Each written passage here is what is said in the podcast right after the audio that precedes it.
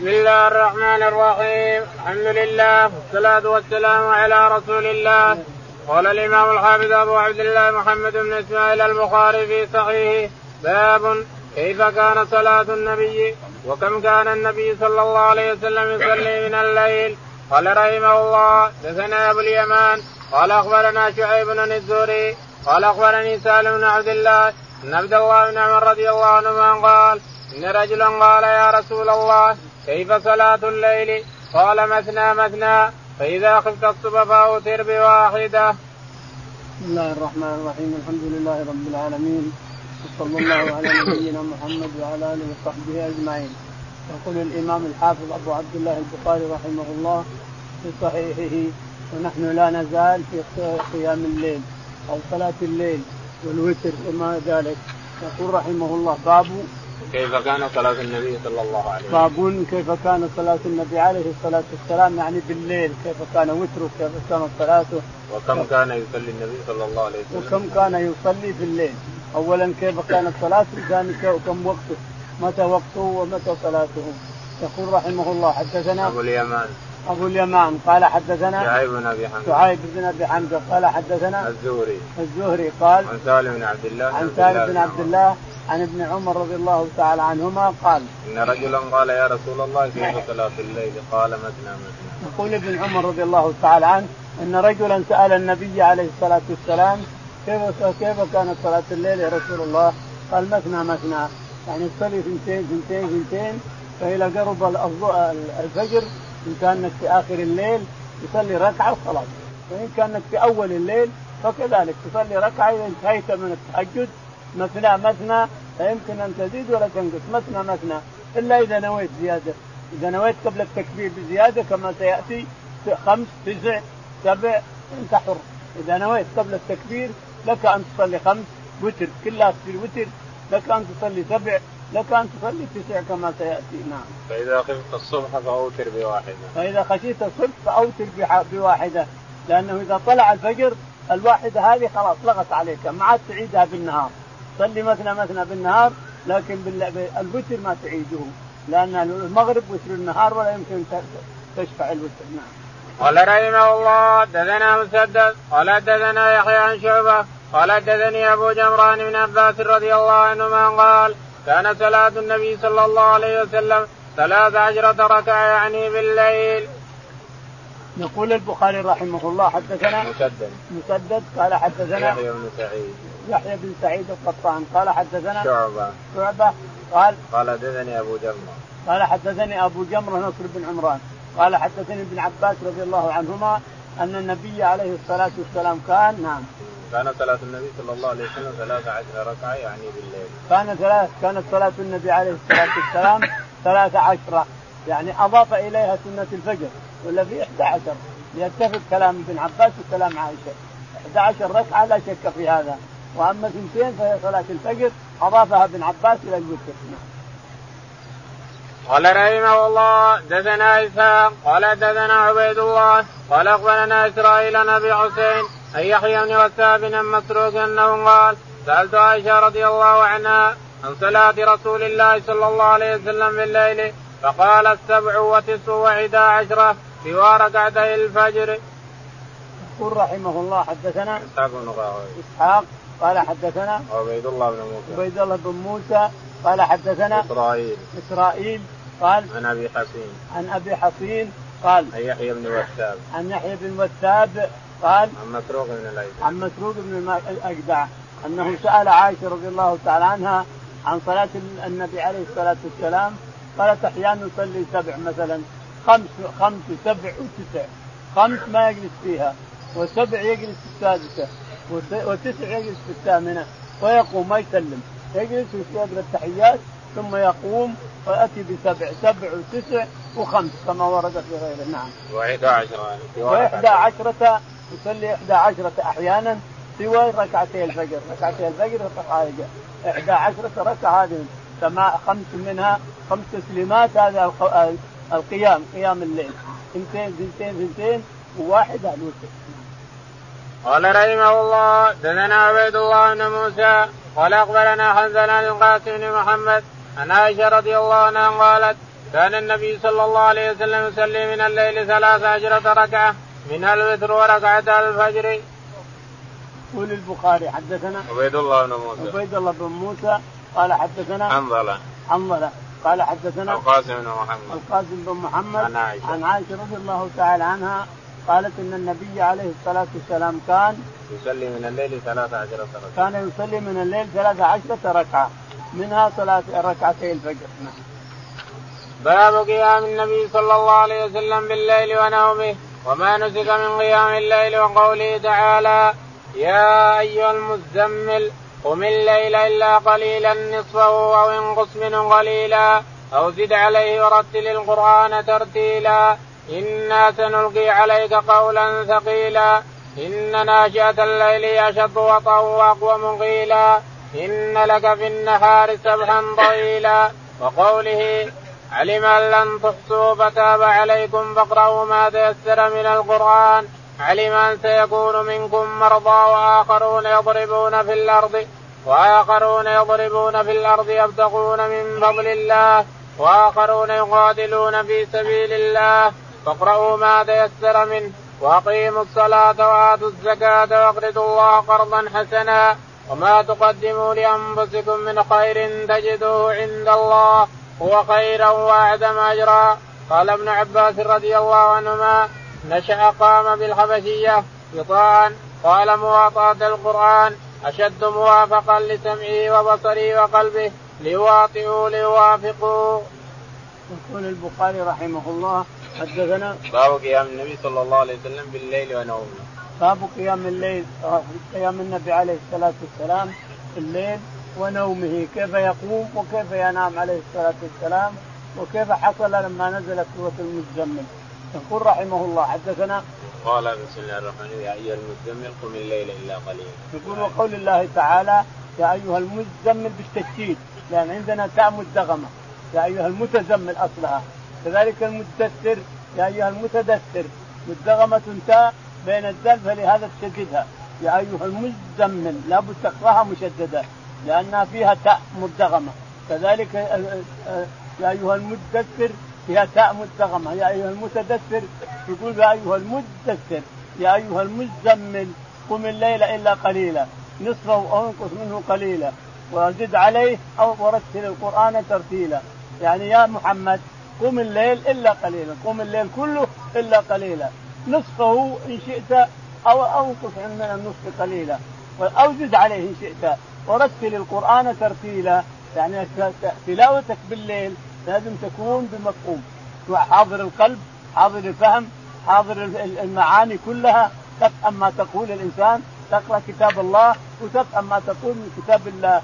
فتستعيذ من النار وتسأل الله الجنة إذا وتسأل الله ما دخول الجنة إذا مريت مررت بجنة. وإذا مررت برحمة تسال الله الرحمة. وإذا مررت بعذاب تعوذ تعوذ بالله من العذاب إلى آخره. الشاهد قم الليل إلا قليلا. نصفه وانقص منه قليلا أو زد عليه ورتل القرآن ترتيلا. إنا سنلقي عليك قولا ثقيلا. القرآن ثقيل لك في هذا. قولا ثقيلا. إن ناشئة الليل مواطأة الليل. النشأ عند الحبش هي المواطأة الموافقة. إن ناشئة الليل هي أشد وطئا. المواطأة يعني هي أشد يعني هي أقرب للمواطأة لمواطأة القلب والذهن والفكر في القرآن. إن ناشئة الليل هي أشد وطئا واقوم قيلا إن لك في النهار سبحا طويلا. فاذكر اسم ربك وتبتل إليه تبتيلا. يعني اذكر اسم ربك وتبتل يعني ادعو. تبتل قال مثل البتول. تبتل إليه يعني ادعو وكثر الدعاء سواء في السجود أو في الركوع أو وأنت قائم. وتبتل إليه تبتيلا. نعم. قال وقوله تعالى علم أن لم تحصوا فتاب عليكم. قال وقوله تعالى علم أن لن تحصوا فتاب عليكم فاقرأوا ما تيسر من القرآن. ثم قال علم أن لن تحصوا فاقرأوا ما تيسر منه. علم أن سيكون منكم علم أن سيكون منكم مرضى. وآخرون يضربون في الأرض وآخرون يقاتلون في سبيل الله. فاقرأوا ما تيسر منه. وأقيموا الصلاة وآتوا الزكاة وأقرضوا الله قرضا حسنا. وما تقدموا لأنفسكم من خير تجدوه عند الله وخيرا وأعظم أجرا. الوقوف هنا. وقوفها في هذه الآية لا تقف إلا بعد أن أقول أعظم أجراء تقف هنا. لأنه ما في وقوف هو خير ما في وقوف هنا. وقوله إن تجدوه عند الله هذا في البقرة. أما في المزمل فلا بد أن تأتي بالآية كلها. هو خيرا وأعظم أجرا وسقط يعني لأنه ما في وقوف هناك هذا الوقوف. هو خيرا وأعظم أجرا واستغفر الله إن الله غفور رحيم. الشاهد أن هذه السورة بكاملها نسخت بطه. طه ما أنزلنا عليك القرآن لتشقى إلا تذكرة لمن ما أنزلنا عليك تشقى طول الليل وانت تصلي كل وانت نعم قال رحمه الله دثنا عبد العزيز بن عبد الله قال حدثني محمد بن جعفر عن حميد انه سمع انس رضي الله عنه يقول كان رسول الله صلى الله عليه وسلم يفطر من الشهر حتى نظن أن لا يصوم منه ويصوم حتى نظن أن لا يفطر منه شيئا. وكان لا تشاء أن تراه من الليل مصليا إلا رأيته ولا نائما إلا رأيته. تابعوا سليمان أبو خالد الأحمر عن حميد. يقول البخاري رحمه الله حدثنا عبد العزيز بن عبد الله. عبد العزيز بن عبد الله قال حدثنا محمد بن جعفر. محمد بن جعفر قال عن حميد الطويل. عن حميد الطويل عن أنس. عن أنس بن مالك رضي الله تعالى عنه أنه قال لا تريد ان لا تحب أن ترى النبي عليه الصلاة والسلام إلا رأيته. لا ترغب أو لا تحب أن ترى النبي عليه الصلاة والسلام صائما إلا رأيته. ولا تحب أو ترغب أن تراه مفطرا إلا رأيته. ولا ترى من تراه مصليا إلا رأيته. ولا ترى تحب أن تراه غير مصلي نائما إلا رأيته. يعني في أي حالة تحب الإنسان وترى تراه عليها عليه الصلاة والسلام. لأن هذه حالاته عليه السلام نائم أحيانا نايم واحيانا قائم واحيانا صائم واحيانا مفطر وأحيانا يصلي وأحيانا لا, لا يصلي إلى آخره. فلا ترغب أو تحب أن تراه على حاله إلا رأيتها. رأيته عليها نعم. تابعه سليمان أبو خالد الأحمر. تابعه سليمان وأبو خالد الأحمر يعني تابعه محمد بن جعفر. محمد بن جعفر تابعه سليمان وأبو خالد الأحمر. عن حميد. عن حميد الطويل. باب عقد الشيطان على قافية الرأس إذا لم يصلي بالليل. قال رحمه الله دثنا عبد الله بن يوسف قال أخبرنا مالك عن الزناد عن الأعرج عن أبي هريرة رضي الله عنه أن رسول الله صلى الله عليه وسلم قال يعقد الشيطان على قافية رأس أحدكم إذا هو نام ثلاث عقد يضرب كل عقدة عليك ليل طويل فارقد فإذا استيقظ وذكر الله إن حلت عقدة فإن توضأ إن حلت عقدة فإن صلى إن حلت عقدة فأصبح نشيطا طيب النفس وإلا أصبح خبيث النفس كسلان. يقول البخاري رحمه الله باب باب عقد الشيطان على قافية الرأس. باب عقد الشيطان على قافية الإنسان قافية رأسه. القافية هذه هذه هذه الحين مجتمع الرأس تعالى وتقدس هذه إذا ضربت الإنسان بعصا في هذه مات على طول. ما يمكن يعيش اطلاقا لو بعصا إذا ضربته مع هذا القافية هذه اللي لو ولد المولود تلقاها ترج موية. ترج ترج ترج ولا تزال تثبت تثبت تثبت تثبت وتتجمد تتجمد حتى يكبر. ولا إذا إذا ولد المولود تجد هذا يرج موية. هذه تسمى قافية الإنسان هذا الممكن لو يضرب الإنسان تضربه بعصا على هذا بعصا تضربه مات على طول. ولا فيه موضع يموت منه إلا هنا إلا هذا ضربته مع رأسه بعصا بعصا أو بشيء على طول يموت. الشاهد قافية الإنسان هذه. يقول البخاري رحمه الله باب عقد الشيطان على على قافيه الإنسان يعقد الشيطان على قافيه ثلاث عقد يعقد ثلاث عقد إبليس. متى تنحل يقول حدثنا عبد الله بن يوسف. حدثنا عبد الله بن يوسف. قال حدثنا مالك. آه سالم. مالك. مالك بن أنس. قال حدثنا أبو الزناد عن الأعرج. أبو الزناد عن الأعرج عن عن عن أبي هريرة. عن أبي هريرة رضي الله تعالى عنه أن النبي عليه الصلاة والسلام قال ياخذ الشيطان على قافية أحدكم ثلاث عقد. يعني اذا نام الإنسان عقد الشيطان على رأسه ثلاث عقد. شوف متى تنحل فإذا قام وذكر الله انحلت عقدة. وإذا قام وتوضأ انحلت عقدة. وإذا قام وصلى انحلت الثالثه وأصبح نشيطا عزيز النفس نشيط النفس عظيم النفس معافى. وإلا بالعكس. قال وإلا أصبح خبيث النفس كسلان. وإلا أصبح خبيث النفس كسلان. أما أن يصبح نشيط نشيط وعنده يعني نشاط وقوة ولا اصبح خبيث النفس كسلان نعوذ بالله إذا نام وعقد الشيطان على عقده ونام والعقد على رأسه اصبح خبيث النفس كسلان نعم. قال رحمه الله دثنا محمد بن هشام قال حدثنا إسماعيل قال حدثنا عوف قال حدثنا أبو رجاء قال حدثنا سمرة بن جندب رضي الله عنه عن النبي صلى الله عليه وسلم في الرؤيا قال أما الذي يلصق رأسه بالحجر فإنه يأخذ القرآن فيرفضه وينام عن الصلاة المكتوبة. يقول البخاري رحمه الله حدثنا مؤمل بن هشام. مؤمل بن هشام قال حدثنا إسماعيل بن علي. إسماعيل بن علي قال قال حدثنا عوف الأعرابي. حدثنا عوف الأعرابي قال قال حدثنا أبو رجاء. قال حدثنا أبو رجاء العطاردي قال قال عن سمرة بن جندب. عن سمرة بن جندب قال النبي صلى الله عليه وسلم في الرؤيا. قال إن النبي عليه الصلاة والسلام حدثهم في مصير في رؤياه اللي راها يقول رأيت رجلا يسلق رأسه يشق رأسه بحجر. يضرب بحجر نعوذ بالله رآه النبي في النوم. لما أسري به في النومة الثانية لأنه الإسراء في روحه وجسده. إنما رآه بالنوم. يقول يسلق رأسه بحجر نعوذ بالله. فقلت ما هذا؟ قيل إنه هذا الذي يرفض القرآن. يرفض القرآن كيف يعني ما يقرأه؟ ينام عنه ولا يقرأ القرآن لا يقرأ القرآن ويرفضه وهو قارئ يعني يقرأ القرآن ولا العامي الأمي اللي ما يقرأ ولا يكتب ما يؤاخذ. لكن يؤخذ اللي يقرأ القرآن حفظه على صدره أو حافظ شيء منه أو يقرأ ويستطيع يقرأه على في المصحف لكنه يرفضه ما يقرأ نهائيا حتى نسي حتى لو بيقرا في المصحف ربما إنه نسي بعض الكلمات وبعض الآيات. فهذا الذي رفض القرآن يسلغ رأسه يوم القيامة. نعم. وينام عن الصلاة وينام أيضا عن الصلاة المكتوبة. اولا يرفض القرآن ما يقرأه وثانيا أنه ينام عن الصلوات المكتوبة. الفرائض ينام عنها ولا يصليها. لا نعم. باب إذا نام ولم يصلي بال الشيطان في أذنه. قال رحمه الله دثنا مسدد. قال دثنا أبو الاحوص قال دثنا منصور أبي وائل. عن عبد الله رضي الله عنه قال ذكر عند النبي صلى الله عليه وسلم رجل فقيل ما زال نائما حتى أصبح ما قام إلى الصلاة؟ فقال بال الشيطان في أذنه. يقول يقول البخاري رحمه الله باب إذا نام ولم يصلي بال إذا نام ولم يصلي من الليل بال الشيطان في أذنه. ولو كذلك إذا بال الشيطان قد لا يقوم حتى للفريضة. يقول حدثنا مسدد. مسدد. قال حدثنا أبو الاحوص أبو الاحوص سلام بن سليم الصغير.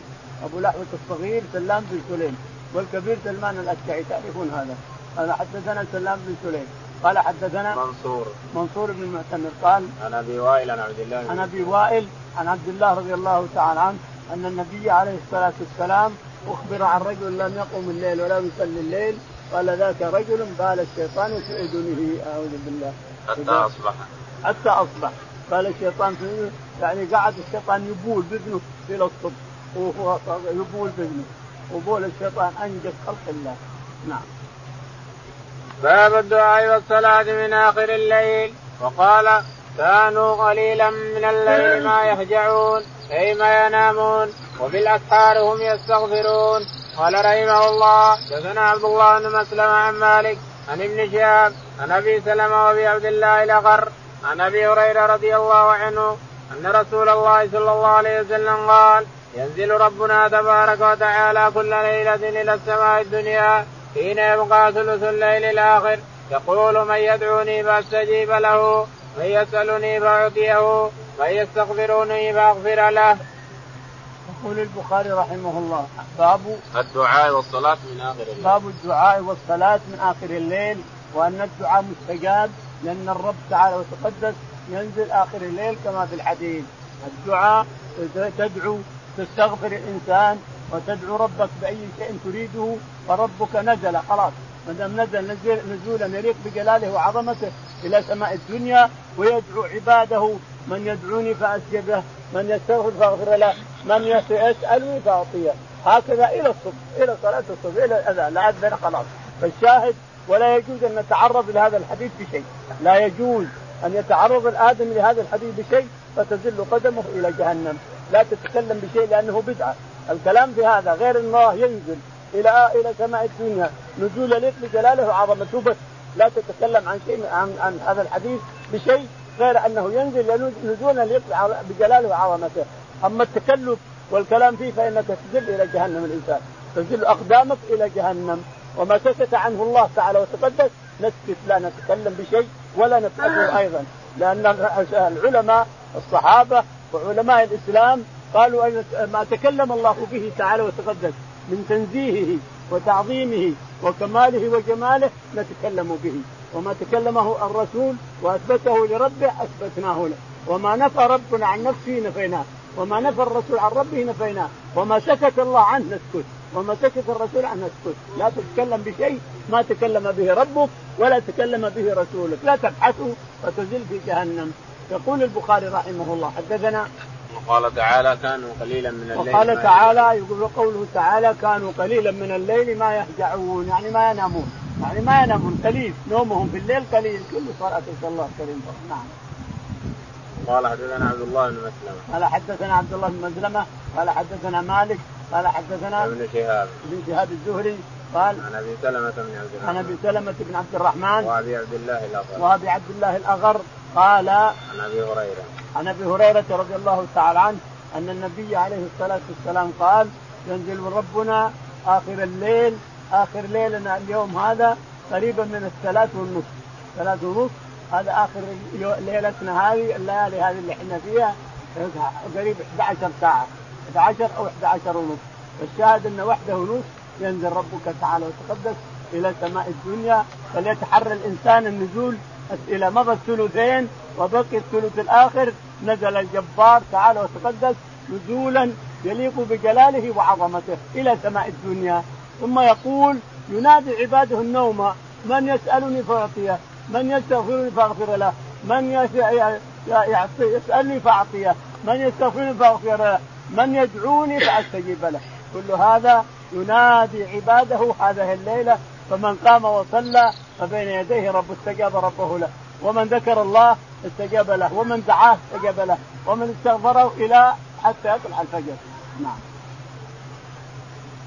باب من نام أول الليل وهي آخره. وقال سلمان لأبي الدرداء رضي الله عنهما نم فلما كان من آخر الليل قال قم. قال النبي صلى الله عليه وسلم صدق سلمان. يقول البخاري رحمه الله باب من نام أول الليل وأحيا كله هذا هو الأفضل. نام أول الليل وأحيا آخره. هذا هو الأفضل للإنسان. نم واستريح الإنسان أول الليل؟ واستريح وخل عليك طمأنينة حتى تشبع من النوم ترقد مثلا خمس ساعات خمس ساعات ونص ست ساعات أو أكثر أو أقل. ثم تقوم نشيط وتذكر الله وتحمد ربك اللي ايقظك الحمد لله الذي ايقظني الحمد لله الذي رآني لذلك أهلا. ثم تصلي ما شئت الإنسان ذلك الساعة. وتصلي ما شئت. اللي كان لك عادة تصليها صلي عادتك الإنسان. لا تزيد عليها ولا تنقص. وكان ما لك عادة إنما تقوم تصلي على ما تريد. أنت تفعل ما تشاء. فالشاهد إن أنك توافق آخر الليل حينما ينزل الجبار تعالى وتقدس وقال سلمان لأبي الدرداء رضي الله عنه سلمان وأبو الدرداء اخى بينهم الرسول عليه الصلاة والسلام. سلمان أخ لأبي الدرداء اخى بينهم عليه الصلاة والسلام. فزار سلمان زار أبو الدرداء ليلة من الليلات ولما أراد أن يقوم يصلي قال نم نم نم يا أبو الدرداء. ولما قام أن يفعل كذا قال اذن ولما قال نم نم نم. حتى صار آخر الليل قال إن لي قال له سلمان لأبي الدرداء إن لنفسك عليك حقا ولزوجك عليك حقا ولضيفك عليك حقا ولربك عليك حقا. فاعط كل ذي حق حقا. لما أصبح أبو الدرداء أخبر الرسول قال صدق سلمان صدق سلمان. كل إنسان عطوا حقه. كل ساعة لشيء كل ساعة تصرفها بحقها. لله عليك حق ساعة.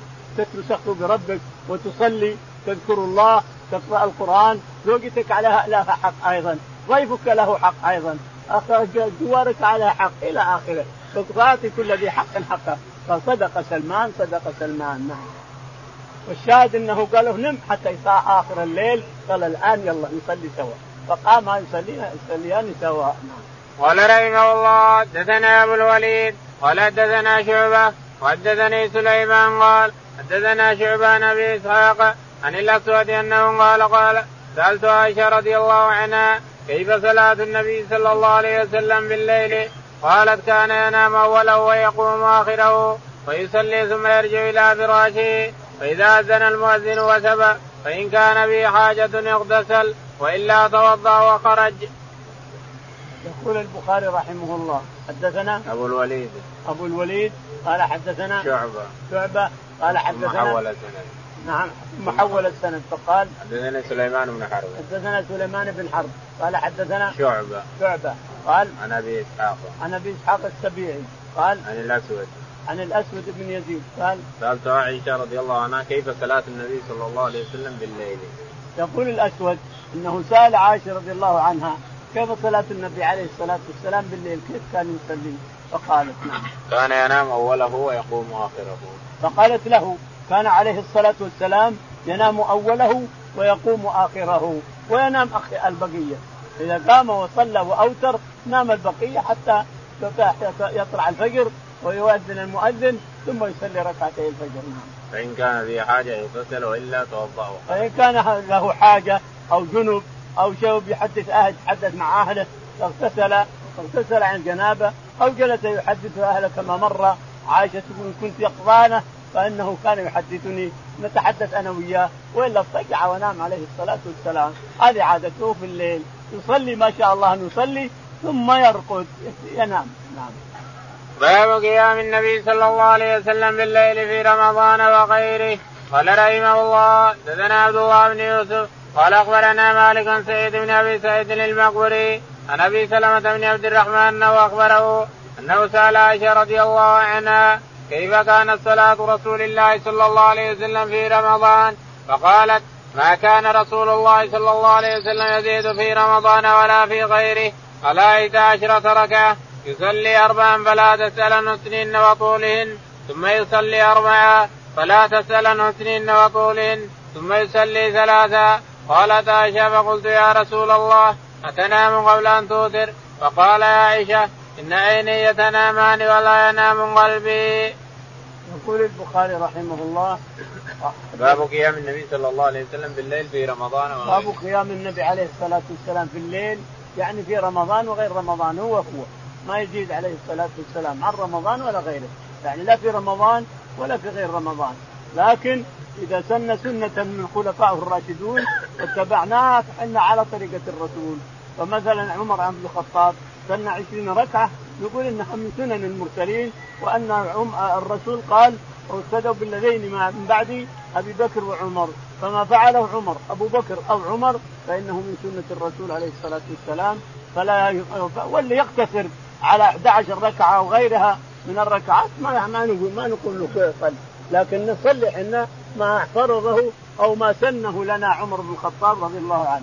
ما سنه لنا عمر بن الخطاب سن حتى إن علي رضي الله تعالى عنه لما مات عمر وأسرقت المساجد قال الله ينور قبلك الله ينور قبلك يا عمر بن الخطاب حيث نورت مساجدنا. يعني جعل قناديل وخرقه يحط بالقنديل والخرقة هذه تولى يصير سراج حتى يقضي حتى ينتهي ينتهي الودك اللي حطوه فيها. فتنور من هنا ومن هنا ومن هنا حتى يدور المسجد كله نور. صار المسجد كله نور. قال نور الله قبرك يا عمر حيث نورت مساجدنا علشان يصلون الناس. يجعل النور وراء الصفوف والناس تصلي يرى بعضهم بعض يقرؤون القرآن واللي بيقرا على المصحف واللي بيقرا كذا. فالشاهد أن النور في المساجد هو الأفضل. النور المساجد كان من عهد عمر رضي الله تعالى عنه. وإن كان الرسول في عهده لم يكن فيه فتائل ولم يكن فيه فينور الله بنور بالنور الذي يعطيه الله تعالى وتقدس أهل الأرض. نعم. قال حدثنا عبد الله بن يوسف. يقول حدثنا عبد الله بن يوسف. قال حدثنا مالك. قال حدثنا سعيد بن أبي سعيد سعيد بن أبي سعيد المقبوري. عن أبي سلمة بن عبد الرحمن عن أبي سلمة بن عبد الرحمن. قال أنه سأل عائشة كيف كانت صلاة رسول الله صلى الله عليه وسلم في رمضان. يقول أبي سلمة بن عبد الرحمن سأل عائشة رضي الله تعالى عنها كيف كانت صلاة الرسول عليه الصلاة والسلام في رمضان. قال لم قالت لم يزد في رمضان ولا غير عن 13 ركعة أو منها صلاة الفجر. ما زاد في رمضان ولا غير رمضان على 11 11 ركعة منها الوتر. وأما إذا قلنا 13 فمنها صلاة الفجر إلى آخره. يصلي اربعا فلا تسأل عن يصلي اربعا فلا تسأل حسنهن وطولهن. ثم يصلي اربعا فلا تسأل حسنهن وطولهن. هذه ثمان ثم يصلي ثلاث. يصير هذا وتره عليه الصلاة والسلام. لكن قولها أربع نتفق مع قوله عليه الصلاة والسلام صلاة الليل مثنى مثنى يقول أربع يعني ثنتين وثنتين تسمى أربع. ثم ثنتين وثنتين هذه أربع هذه ثمان. ثم يصلي ثنتين يصير خمس. خمسة تسليمات ثم يصلي واحدة. فلا تسأل عن حسن الأربع يعني ثنتين وثنتين. ثم ثنتين وثنتين ليتفق هذا الحديث مع قوله عليه الصلاة والسلام صلاة الليل مثنى مثنى. لأن لو قلنا أنه صلى أربع يعني كلها جمعها جميع ما حصل هذا. اللي حصل أنه أمة خمس هذا وتر ولا سبع وتر ولا تسع وتر هذا اللي حصل. لكن كونه يصلي أربع جميع ما حصل هذا وقولها يصلي أربعا فلا تسأل عن حسنهن وطولهن يعني يصلي ثنتين وثنتين طويلات يطول التسليمتين. ثم يصلي ثنتين طويلات أيضا. لنتفق مع الحديث صلاة الليل مثنى مثنى نعم. قال ثم يصلي ثلاثا قالت عائشة فقلت يا رسول الله تنام قبل أن توتر؟ فقال يا عائشة إن عيني تنامان ولا ينام. ثم يصلي ثلاثا. ثم ينام. فأقول يا رسول الله تنام قبل أن توتر؟ قال يا عائشة إن عيني تنام ولا ينام قلبي. نعم ما ينام قلبه. الأنبياء تنام عيون ولا ينام قلبه. جميع الأنبياء ولا سيما صفوة الخلق فإنه تنام العينين ولا حتى يسمع له شخير لكن القلب يقول البخاري رحمه الله حدثنا محمد بن المثنى. محمد بن المثنى قال حدثنا يحيى بن سعيد. يحيى بن سعيد القطان قال حدثنا هشام بن عروة. هشام بن عروة عن أبيه عروة بن الزبير قال عن عائشة. عن عائشة رضي الله تعالى عنها قالت ما رأيت النبي صلى الله عليه وسلم يقرأ في صلاة من صلاة الليل جالسا حتى إذا كبر ما رأيت الرسول عليه الصلاة والسلام يصلي جالسا حتى أثنى. يعني كبر عليه الصلاة والسلام وبلغ الستين صار ثقل عليه الصلاة والسلام فصار يصلي جالسا. فإذا بقي على الركوع ثلاثين آية قام عليه الصلاة والسلام أو أربعين آية. قام وقرأ اللي بقي ثم ركع عليه الصلاة والسلام. لكنه يقرأ القرآن ويصلي ويقرأ القرآن وهو جالس. حتى إذا بقي ثلاثين آية أو أقل أو أكثر قام عليه الصلاة والسلام ثم ركع فقرأهن فقرأ الآيات اللي يريد ثم ركع نعم. باب فضل الطهور بالليل والنهار وفضل الصلاة بعد الوضوء بالليل والنهار. قال رحمه الله دثنا إسحاق النصر قال حدثنا أبو أسامة عن أبي حيان عن أبي زرعة عن أبي هريرة رضي الله عنه أن النبي صلى الله عليه وسلم قال لبلال عند صلاة الفجر يا بلال حدثني بارجع عمل عملته في الإسلام فإني سمعت دفن عليك بين يدي في الجنة قال ما عملت عملا أرجى عندي أني لم أتطهر طهورا في ساعة ليل أو نهار. إلا صليت بذلك الطهور ما كتب لي أن أصلي. قال أبو عبد الله دفن عليك يعني تحريك. يقول البخاري رحمه الله باب فضل الطهور بالليل والنهار. فضل الطهور بالليل والنهار يعني ما عنه نهو. الطهور كونك توضا ما فيه نهو إلا أن حديث عقبة بن عامر الجهني ثلاث ساعات نهانا الرسول عليه الصلاة والسلام أن نصلي فيهن أو نقبر فيهن توقف حديث بلال وتوقف حديث أبي قتادة إذا دخل أحدكم المسجد وتوقف حديث جبير بن مطعم لا تمنع أحدا طرفا في هذا البيت. كل هذه حديث عقبة بن عامر توقفوا لأن لها علة. حديث عمرو بن سلمة حديث آه، آه، عمرو بن حديث رضي الله عنه الذي أتى النبي عليه الصلاة والسلام فأسلم على يديه وسأله عن أوقات الصلاة وعن الصلوات وغيرها. أظن اسمه عمرو بن عمرو أو شيء من هذا. فياتينا اسمه إن شاء الله. يقول فإن بلال رضي الله يقول البخاري رحمه الله حدثنا إسحاق بن نصر. إسحاق بن نصر. قال حدثنا أبو أسامة. أبو أسامة. قال حدثنا أبو حيان. أبو حيان. قال عن أبي زرعة بن عمرو. عن أبي زرعة بن عبد بن عمرو بن جرير عن أبي هريرة رضي الله تعالى عنه قال النبي صلى الله عليه وسلم قال لبلال عند صلاة الفجر يا بلال حدثني بأرجاء عمل عملته في الإسلام. يقول إن الرسول عليه الصلاة والسلام سأل بلالا ما الذي تعمل يا بلال؟ أرجع عمل صالح ترجيه إلى إلى ربك ما الذي عملت؟ لأن سمعت دفن عليك في الجنة يعني دقة كأنك تمشي تمشي تمشي قدامي وأنت في الجنة فما الذي عمل أرجع عمل عملته في الطاعة في طاعة الله قال والله ما عملت شيئا إلا إني ما توضأت ولا تطهرت في أي ساعة من الليل أو النهار إلا توضأ إلا صليته ركعتين بعد هذا الطهور. من نفسي هذا. ما توضات في ليل أو نهار إلا صليت ركعتين. معنى هذا أنه يصلي الليل والنهار ولا نهوى عنها. صلاة الطهارة طهارة الإنسان ما عنها نهوى إلا إن حديث عقبة بن عامر الجهني حديث عمرو بن عبسة رضي الله عنه. عمرو بن عبسة قال إن الرسول الله كيف أصلي؟ قال صل كل الصلوات ما عدا إذا طلعت الشمس وإذا وقفت وإذا غربت. عقبة بن عامر الجهني رضي الله عنه يقول نهانا رسول الله. ثلاث ساعات نهانا رسول الله عليه الصلاة والسلام عن الصلاة فيهن أو أن نقبر فيهن موتانا. حتى الطهور حتى وضوء حتى دخول مسجد حتى جبير بن مطعم حتى كل حديث يوقف عند هذه الثلاث الدقيقة دقيقة مرة. هي كلها ما تجي عشر عشر دقائق تطلع الشمس. عشر دقائق توقف. عشر دقائق تغيب بس ثلاث ساعات. قليلة جدا هذه الساعات. نهانا رسول الله أن نصلي فيهن أو أن نقبر فيهن موتانا. علماء الإسلام كافة. أهل الحل والعقد في دين الله وشرعه قالوا كل شيء يدخل تحت حديث عقبة بن عامر الجهني. لأنه بين العلة لعمرو بن عبسة رضي الله عنه. قال إن طلبت من الرسول يبين لي الصلوات والأوقات والنوافل والفرائض فقال صل الصلاة لوقتها كل صلاة وصل ما شئت من الصلوات ما عدا عند طلوع الشمس فإن الشيطان يطلع والمشركون يسجدون لها للشيطان. يسجدون المشركين يسجدون للشيطان. الشيطان يطلع مع الشمس. والشيطان وجهنم تسجر والمجوس يسجرونها فيسجد المشركون لها. وعند الغروب كذلك الشيطان معها يسجد المشركون لها وهكذا. فنهى عن عن التشبه بالمشركين في أي حالة من الحالات لا تشبه بالمشركين. فما دام وضحت العلة وبينت العلة فصلاة عقبة حديث عقبة بن عامر يقضي على كل شيء. نعم. باب ما يقرا من التشديد في العبادة. قال رحمه الله حدثنا أبو معمر قال حدثنا عبد الوارث عن عبد العزيز بن الصعيب عن أنس بن مالك رضي الله عنه قال دخل النبي صلى الله عليه وسلم فإذا حبل ممدود بين الساريتين فقال ما هذا حبل؟ قالوا هذا حبل لزينب. فإذا فترت تعلقت فقال النبي صلى الله عليه وسلم لا حلوة ليصلي أحدكم نشاطه. فإذا فتر فليقعد. قال وقال عبد الله بن مسلم عن مالك نشاء النور عن عن عائشة رضي الله عنها قالت كانت عندي امرأة من بني أسد فدخل علي رسول الله صلى الله عليه وسلم فقال من هذه فقلت فلانة لا تنام بالليل. فذكر من من صلاتها فقال ما عليكم ما تطيقون من الأعمال فإن الله لا يمل حتى تملوا.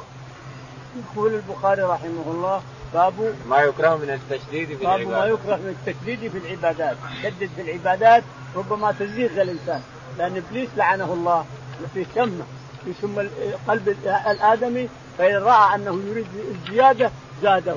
وإذا رأى أنه يريد الانتكاس والاتجاه رماه في الأرض. يشم القلب. يشم قلب قلب الإنسان يشوف. عنده استعداد. لأن يزيد يتعمق في العبادة ويزيد في العبادات ويفعل يرفعه إلى فوق. وإن كان لا عنده كسل وعنده يريد الانخلال والنوم رماه في الأرض إلى آخره. فهذه شمات إبليس لعنه الله. نقول البخاري رحمه الله حدثنا أبو معمر. أبو, أبو معمر عبد الله بن عامر قال حدثنا عبد الوارث. عبد الوارث قال عن عبد العزيز بن صهيب عن عبد العزيز بن صهيب عن أنس بن مالك. بن مالك رضي الله تعالى عنه أنه قال نعم. دخل النبي صلى الله عليه وسلم فإذا حبل ممدود بين الساريتين. يقول إن الرسول عليه الصلاة والسلام دخل على زينب وإلى حبل ممدود بين عمودين. ما هذا؟ قالوا زينب تصلي بالليل فإذا فترت تعلقت بالحبل قال لا لا لا حلوة. وصلي قاعدة تعبتي صلي جالسة. اقعدي قاعدة لا تعبتي اقعدي قاعدة ما في لزوم تعلقي بالحبل. والله ما أمرك بهذا. وجاء إلى عائشة رضي الله عنها. السند وقال نعم. حدثنا عبد الله بن مسلم حدثنا عبد الله بن مسلم قال حدثنا مالك. مالك. قال حدثنا هشام بن عروة. هشام بن عروة. عن أبيه عن أبيه عن عائشة رضي الله عنها أن النبي عليه الصلاة والسلام دخل عليها وعندها امرأة فقال ما هذه؟ قالت هذه فلانة يذكر من صلاتها. وكثرة صلاتها وكثرة صومها. قال مهما لا افعلوا من العمل اعملوا من العمل ما تطيقون. فإن الله لا يمل يعني لا يترك كتابتكم ولا يترك عملكم ولا يترك أن يكتب أعمالكم. لا يمل حتى تملوا. وهذه اللفظة قد نلقيها إلى الله تعالى وتقدس يقول ذلك بجلاله وعظمه. لا نؤولها لكن لا مل حتى تملوا يعني أنه لا يترك يأمر الملائكة بالكتابة وهو تعالى وتقدس يتقبل عملك الإنسان. ما دمت تعمل لوجهه على طريقة مستقيمة فربك يقبل منك العمل تعالى وتقدس ويأمر ملائكته أن تسجل. ما دمت تصلي فربك يقبل عملك. ما لله رب العالمين فربك يقبل عملك ولا يترك عملك حتى تترك العمل أنت. ربك يتقبل منك عملك ولا يترك القبول حتى أنت تترك. أما يمل فلا نؤولها ولا نكذب نقول تليق بجلالة وعظمته نعم. باب ما يقرأ من ترك قيام الليل لمن كان يقومه. قال رحمه الله دثنا عباس بن الحسين قال حدثنا مبشرا الأوزاعي. قال حدثني محمد بن مقاتل أبو الحسن قال أخبرنا عبد الله قال أخبرنا الأوزاعي قال حدثني يحيى بن أبي كثير قال حدثني أبو سلمة بن عبد الرحمن قال حدثني عبد الله بن عمرو بن العاص رضي الله عنهما قال قال لي رسول الله صلى الله عليه وسلم يا عبد الله لا تكن مثل فلان. كان يقوم الليل فترك قيام الليل. وقال هشام حدثنا ابن أبي العشرين. قال حدثنا الأوزاعي. قال حدثني يحيى عن عمر بن الحكم بن ثوبان. قال حدثني أبو سلمة مثله. وتابعه عمر بن أبي سلمان الأوزاعي.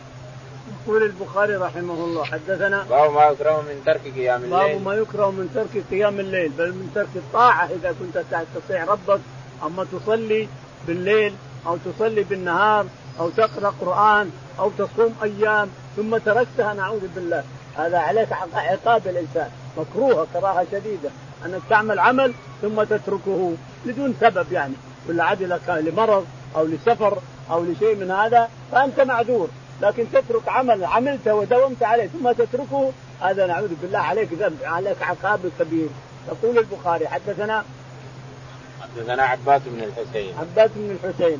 قال حدثنا مبشر بن إسماعيل. مبشر بن إسماعيل. قال حدثنا الأوزاعي. الأوزاعي عبد الرحمن بن عمرو. قال ثم حول السند. ثم حول السند فقال حدثنا محمد بن منقاتل محمد بن منقاتل المروزي. قال قال أخبرنا عبد الله بن المبارك أخبرنا عبد الله بن المبارك قال قال أخبرنا الأوزاعي. أخبرنا الأوزاعي. قال قال حدثني يحيى بن أبي كثير. قال حدثنا يحيى بن كثير الطائي. قال قال حدثني أبو سلمة بن عبد الرحمن. يقول يحيى بن كثير حدثني أبو سلمة بن عبد الرحمن. قال عن عبد الله بن عمرو بن العاص. عن عبد الله بن عمرو بن العاص قال قال لي رسول الله صلى الله عليه وسلم يا عبد الله لا تكن مثل فلان. كان يقوم الليل فترك قيام الليل يقول عبد الله بن عمرو بن العاص إن النبي عليه الصلاة والسلام قال له يا عبد الله بن عمرو لا تكن مثل فلان. كان يقوم الليل فتركه كان يقوم الليل فتركه هذا فيه التشديد على أن الإنسان إذا عمل عمل وداوم عليه لا يجوز له أن يتركه. عملت عمل الإنسان وداومت عليه داوم عليه ما دام إنك تستطيع داوم عليه ولا نقص منه قليل اذا كنت يشق عليك ما عليك. نقص منه قليل لكن تترك كله ما يمكن. تترك كله عليك إثم الانسان فلا تترك العمل. فيقول عبد الله بن عمرو بن العاص إن الرسول قال لا تكن مثل فلان كان يقوم الليل فترك قيام الليل. ليه؟ بس بدون سبب لا لعذر ولا لسفر ولا لشيء بدون سبب. تترك قيام الليل هذا في عقوبة في إثم كبير. مع أن عبد الله بن عمرو بن العاص تمنى أنه أخذ برخصة الرسول عليه الصلاة والسلام لكنه ما يمديه. لما كبر عجز أن يقوم بالذي أخذ به. عجز. كبر وعجز أن يقوم بالذي فتمنى أن لو أخذ برخصة الرسول لكن راحت. نعم. قال وقال هشام بن عمار. وقال هشام بن عمار حدثنا ابن أبي العشرين. ابن أبي العشرين قال حدثنا الأوزاعي. الأوزاعي تابع. تابع عن يحيى بن كثير عن, عن عمر بن الحكم بن ثوبان. عن عمر بن الحكم بن ثوبان. قال عن أبي سلمة بن عبد عن أبي سلمة بن عبد الرحمن عن الحديث الأول. الحديث الأول نعم أنها قال أنه قال لا تكن مثل فلان فإنه كان يقوم الليل فتركه. يعني لا تكن مثل فلان فإنه كان يقرأ القرآن فتركه. لا تكن مثل فلان فإنه كان يصوم كذا وكذا من الشهر فتركه. لا تكن مثل فلان فإنه كان يفعل كذا وكذا فتركه. يعني معناه أن الرسول يحث الإنسان على أن يترك لا يترك العمل الذي يعمله إذا كان ما يشق عليه، إذا كان يشق عليك اختصره ما يخالف، إذا كان يشق عليك كثير اختصره، لكن داوم على عملك التي تستطيعه، نعم. قال وتابعه عمرو بن أبي سلمة عن الأوزاعي. يقول وتابعه عمرو بن أبي سلمة عن الأوزاعي عبد الرحمن بن عمرو نعم. باب قال رحمه الله دثنا علي بن عبد الله قال حدثنا سفيان عن عمرو عن أبي العباس قال سمعت عبد الله بن عمرو رضي الله عنهما قال للنبي صلى الله عليه وسلم ألم أخبر أنك تقوم الليل تصوم النهار قلت إني أفعل ذلك قال فإنك إذا فعلت ذلك هجمت عينك ونفهت نفسك وإن لنفسك حق ولأهلك حق فصم وأفطر وقم ونم. يقول البخاري رحمه الله حدثنا علي بن عبد الله. علي بن عبد الله المديني قال قال حدثنا سفيان حدثنا سفيان بن عيينة قال عن عمرو بن دينار. عن عمرو بن دينار قال عن أبي العباس. عن أبي العباس قال قال سمعت عبد الله بن عمرو بن العاص. يقول سمعت عبد الله بن عمرو بن العاص يقول إن النبي عليه الصلاة والسلام قال له حين حضر عنده ألم أخبر يا عبد الله بن عمر أنك تصوم الليل وتقوم النهار؟ قال هكذا كنت أفعل يا رسول الله. قال لا لا تفعل هذا. فإنك قد تكبر وتستطيع إنما افعل كذا فقال لا أطيق أكثر من ذلك يا رسول الله. قال لا افعل كذا قال أطيق أكثر من ذلك يا رسول الله. قال افعل كذا افعل كذا قال أطيق أكثر من ذلك يا رسول الله. حتى وصل إلى أن يصوم يوم ويفطر يوم وينام ويقوم. قال أطيق أكثر من ذلك. قال لا افضل من ذلك. هذا صيام داوود تصوم يوم وتفطر يوم. لما كبر لما كبر وعجز وتعب قال ليتني اخذت برخصه الرسول عليه الصلاة والسلام. ترك كل اللي هو يعمل تركه. لأنه كبر ما عاد يستطيع يعمل لا عمل. يا ليتني أخذت برخصة الرسول عليه السلام هذا منهج. هذا منهج ونبراس لمن يعمل عمل ثم لا يطيقه. اختصر العمل من الأول الإنسان. اجعل لك عمل تطيقه حين تكبر وأنت شباب الآن وحين تكون شيخ الإنسان. تطيقه. ولا تزيد على هذا. فتندم مثل ما ندم عبد الله بن عمرو بن العاص. قال ليتني أخذت برخصة الرسول عليه الصلاة والسلام. قال لا تطيق يا عبد الله بن عمرو ما تستطيع. قال أطيق أكثر من ذلك. افعل كذا أطيق أكثر من ذلك. قال له الصوم قال أطيق أكثر من ذلك. قيام الليل أطيق أكثر من ذلك إلى آخره. فقال لا ما أفضل من صيام داوود تصوم يوم وتفطر يوم ولا أفضل من صلاة داوود. ينام أول الليل ثم يقوم ثلثه إلى آخره.